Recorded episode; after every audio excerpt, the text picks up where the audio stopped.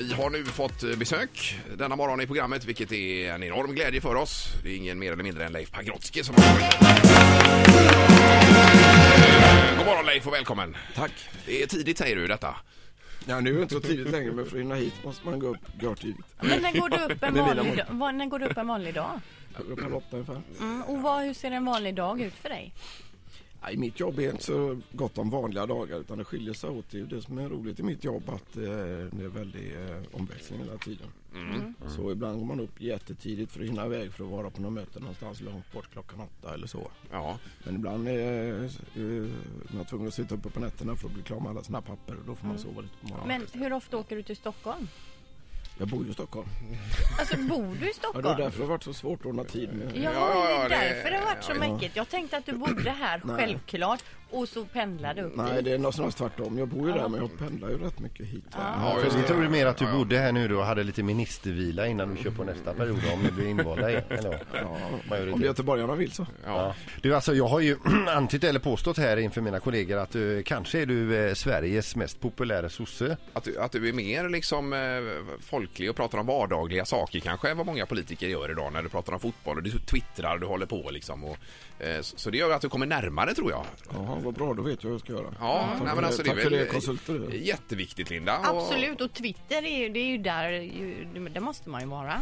Du är ju jätteflitig twittrare. Ja, jag twittrar när jag har stund nu. Som nu jag så här fick sitta och vänta på att få komma in här. Jo men det är ju inte bara Ja. politiska Twitter utan du lägger ju andra inlägg också. Jag har ju retweetat dig flera gånger. Du har lagt upp klipp och sånt där. Ja, nu har jag lagt upp dig här.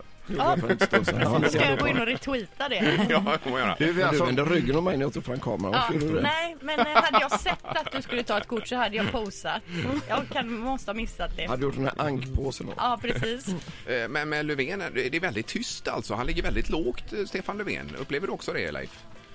Ja, alltså det är ju så här, i opposition är man i mediaskugga va. Man Ja. har inte den uppmärksamheten. Regeringen lägger en budget.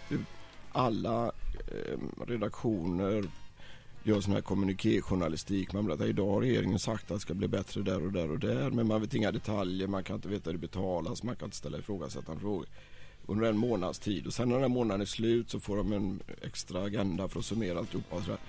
Det är inte så i opposition. Jag kan jämföra båda delarna och eh, det får man leva med och så får man försöka koncentrera sig på att göra något bra det man gör och jobba långsiktigt så man har en bra valrörelse och bra förtroende. Och, För nu har du sagt då att eh, behåll rutavdraget och sänk skatten rejält för sjuka, pensionärer och arbetslösa.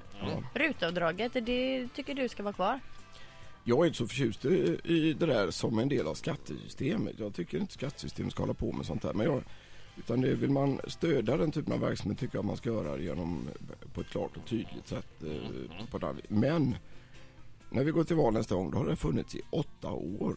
Ja. Och nu liksom blivit en, en, En del av- del av detta. Människor har vant sig vid det. Många människor bygger upp sina, sitt arbetsliv kring detta. Och det underlättar vardagen för många människor. Men då får man väl välja vad man ska prioritera och jobba med. Dessutom en grej som var viktig för mig. Det blev inte så dyrt som jag hade trott. Nej. Och eh, då tycker jag att kan vi välja andra områden än att, än att vända upp och ner på vardagen för, för människor. Och skattesystemet har jätteviktiga uppgifter när det gäller att skapa rättvisa i Sverige. Det ena är ju att se till att det kommer in pengar till det som verkligen är viktigt. Sjukförsäkring, sjukvård, a-kassa.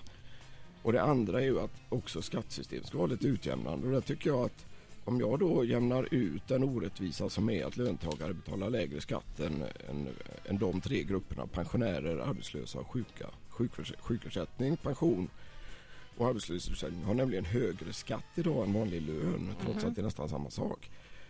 Och om jag då säger att nu prioriterar jag det här, tycker jag det är en jättestor rättvisefråga om utjämning mellan levnadsförhållanden mellan de som har det tuffast, för det är ju de tre grupperna. Ja. Och de som har stabila jobb med trygga inkomster. Och det tror jag de allra flesta tycker. Men då plötsligt finns det någon sorts instinkt i Sverige att, att sänka skatter i höger och, och höja skatter i vänster. Och identifierar man sig som vänster kan man föreslå höjd skatt.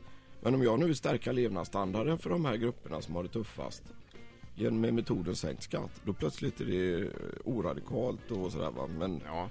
Så det är lite konstig debatt vi har i Sverige men eh, Jag har en spännande artikel om det i Göteborgs-Posten imorgon. Ska jag Ja, okej, Får vi läsa då marknadsför den? du den där. Ja, jag marknadsför den. Ni är ju Ja, en precis. reklamkanal så jag får göra lite reklam. Ja, absolut. Självklart. Det är Jag fri har- fart här. Jag men skriver du- där en, var fjärde onsdag har jag en ruta så då kan man köpa den i kiosken. Nu gjorde ju du eh, direkt reklam för GP också. Så. Ja, Nej, det var just för det. mig, det var reklam för mig. Alltså, det var det. Okej. Poddtips från Podplay. I podden Något Kaiko garanterar östgötarna Brutti och jag, Davva, dig en stor dos skratt. Där följer jag pladask för köttätandet igen. Man är lite som en jävla vampyr. Man har fått lite blodsmak och då måste man ha mer. Udda spaningar, fängslande anekdoter och en och annan arg rant.